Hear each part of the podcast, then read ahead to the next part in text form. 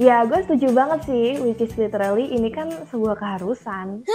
Which is literally artinya apaan dah? Lah, emangnya kenapa Iya kan? kalau pakai bahasa Inggris? Kesannya kayak nggak nasionalis gitu loh.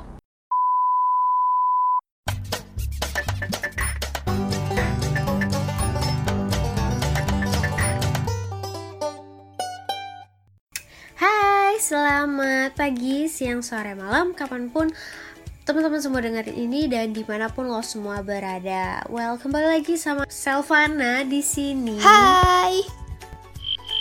Eh, lu siapa dah? Lah kan Selvana ada dua orang. Oh iya ya bener. Gimana sih? Kalau gitu bersama gue Sally. Dan gue Tavana.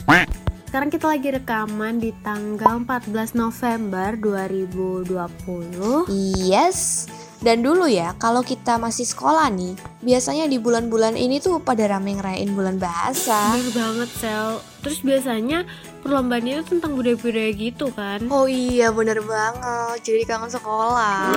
Apalagi nih ya, kita kan sebagai generasi Z, semangat perayaan bulbasnya tuh nggak boleh padam dong. Iya, gue setuju banget sih, Taf. Soalnya kan generasi Z itu adalah generasi yang visioner, independen, dan juga kompetitif yang lagi masuk ke periode puncak di dalam kehidupan. Di samping itu, generasi Z itu punya hak istimewa loh. Lo tahu nggak hak istimewanya apa? Hah? Kan sebagai Gen Z nih. Hak istimewa apaan tuh? Ya, nih gue kasih tahu ya. Salah satunya tuh kemudahan akses yang didukung sama teknologi. Bener nggak? Iya, sekarang kan teknologi udah makin canggih-canggih ya. Apalagi nih, tiap bulan sosial media itu selalu ada aja inovasi buat fitur-fitur baru. Yap, dengan hadirnya media sosial itu jadi salah satu bukti dari peradaban modern manusia sebagai makhluk sosial. Tapi Sel, ngomong-ngomong soal budaya dalam media sosial nih, gak jarang tahu kita ngenemuin hal-hal yang gak mengenakan itu terjadi di kalangan generasi Z. Yang sebenarnya gak di generasi Z aja, tapi dalam cakupan yang luas juga. Em, iya sih. Kalau sebenarnya banyak orang yang mengabaikan norma-norma yang seharusnya jadi budaya yang paling dasar untuk diingat dan diterapin bagi bangsa yang beradab Hmm, tuh. nah, iya. Budaya tomat. Pernah dengar gak lu soal budaya tomat ini? Hah, tomat. Buah atau sayur itu ya? Apaan sih budaya tomat? Jadi budaya tomat itu budaya tolong, maaf, dan terima kasih. Oh, iya iya iya. Kalau itu sih gue sadar kalau itu emang eh, sering diabaikan ya di dunia maya, di dunia di media sosial gitu. Bener Sel, tapi jangankan di sosial media, di real life nih, di kegiatan sehari-hari, di dunia nyata aja, gue jarang banget nemuin orang-orang yang menerapin budaya tomat ini Sel. Hmm, iya. Soalnya kan kalau di media sosial itu kan kita campur sama orang-orang ya kan, dan di situ ada orang yang nggak kenal Iya, kayak- dan Eh, jadi kayak norma-norma itu paling dilihat karena kita itu ketemu sama orang-orang yang di- nggak nggak dikenal gitu kan jadi attitude itu haruslah hashtag nomor satu gitu nggak sih Iya, di media sosial kan kita kan campur sama orang-orang yang nggak kenal kan. Dan semua pengguna sosial media itu belum tentu cocok dengan kita. Jadinya kita harus berhati-hati. hmm iya iya iya benar benar benar benar Nah, kalau yang kata maaf, gimana menurut lo? zaman sekarang nih gue lihat kata maaf itu udah nggak pernah dipakai apalagi di sosial media kalau misalnya nih kita lagi bercanda terus ada yang bersinggung. Kata maaf itu udah tergantikan sama kata ah baperan lu. Bener kan? Oh iya, bener banget.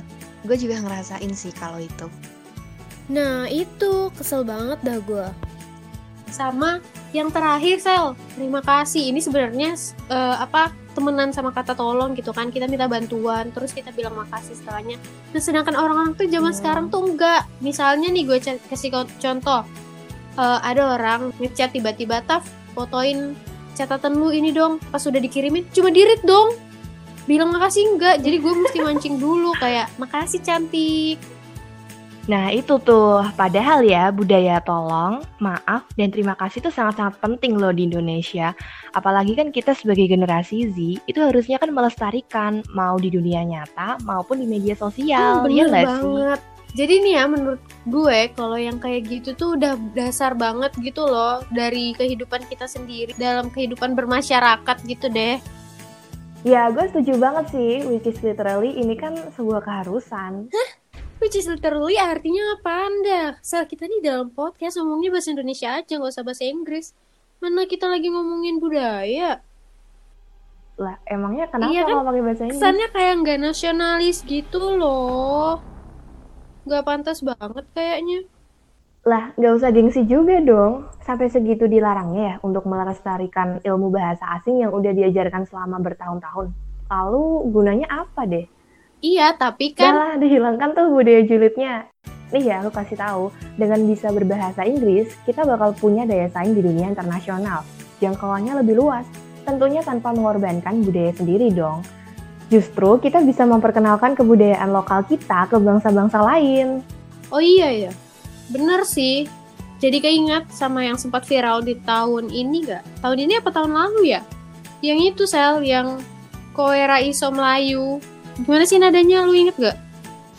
Oh iya iya iya. Oh yang itu yang Koera iso Melayu. Nah iya iya iya, yang itu yang itu yang itu. Itu juga ada Inggrisnya kan ya? Nah iya yang itu yang produksinya We Genius. Kenapa nggak dijulitin?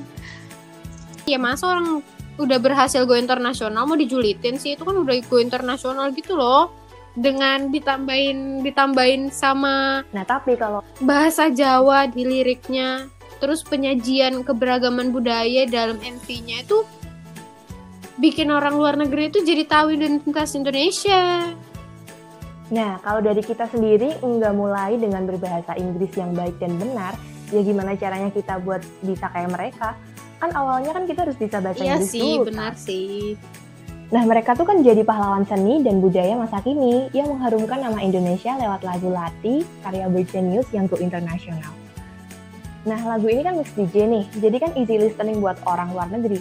Pakai bahasa Inggris, bikin jangkauan dalam penyampaian makna lagu tuh lebih luas dan mudah dipahami orang luar. Hmm, bener sih, apalagi kemarin gue lihat kan dia sempat di ini nggak sih sel di eh Times Square yang ada di New York yang tempatnya itu di tengah-tengah jalan yang full of flyer gitu loh sekitarnya. Bener nggak sih namanya Times Square? Nah tuh kan lo tahu. Nah iya mereka keren sih gila keren keren keren. Oke ngomong-ngomong soal go internasional sel, lu tahu gorengan kan? Ah, tahu dong, itu kan makanan legendaris banget di Indonesia ya kan? Nah, sedikit melenceng dari topik, tapi gorengan kesukaan lu tuh apa sih? Ah, kalau gue sih mendoan. Apa itu mendoan? Ini gak tau beneran. Iya. Beneran Really? gak tahu. Mendoan tuh yang isinya tempe itu loh, terus tempe dikasih. Ya udah, tempe goreng tepung namanya. di luar, habis itu digoreng. Bukan, dia Tempe pakai goreng kan ada yang situ. digoreng pakai tepung. Tapi tempe goreng tuh juga gorengan. kan? anyway, Sesuatu yang digoreng, gorengan itu makanan yang digoreng. kayaknya eh, kayaknya budaya gorengan kita sedikit eh, berbeda, tapi tidak apa-apa. Emang nggak apa-apa. Eh, btw, lu tahu nggak kalau misalnya eh, teknik menggoreng itu sebenarnya diadopsi dari punyanya orang Tionghoa. ah masa sih? Nah iya cuy, Gue gak kepikiran kalau gorengan tuh diadopsi dari orang Tionghoa. Soalnya kan gorengan tuh udah dikenal di berbagai kalangan ya. Ada di mana-mana, gampang ditemuin di pinggir jalan, harganya murah. Tuh udah kayak kalifan lokal gitu. Nah iya, jadi ada salah satu anak bangsa kita Kenapa? Dia ngebawa gorengan ke Amerika buat dijual seharga dengan eh, sekitar satu dolar per gorengan. Really? Yes. Dan nama warungnya itu lo tau apa nggak? Apa emang? Jan Cook. Kalau dipikir-pikir ya, keren banget gak sih kearifan lokal dari Indo dari Nusantara dari Indonesia itu dibawa ke luar negeri dan mereka di sana tuh laris banget sel dengan harga yang segitu juga Really?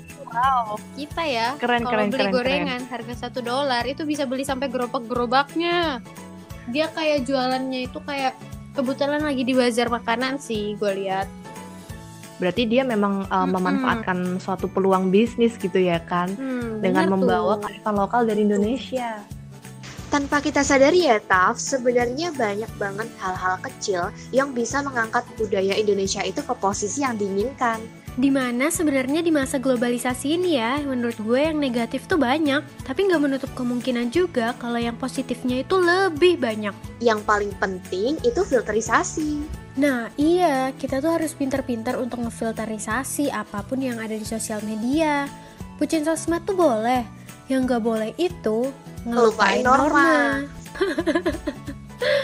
Jangan teknologinya aja yang smart, tapi yang punya juga harus smart dong.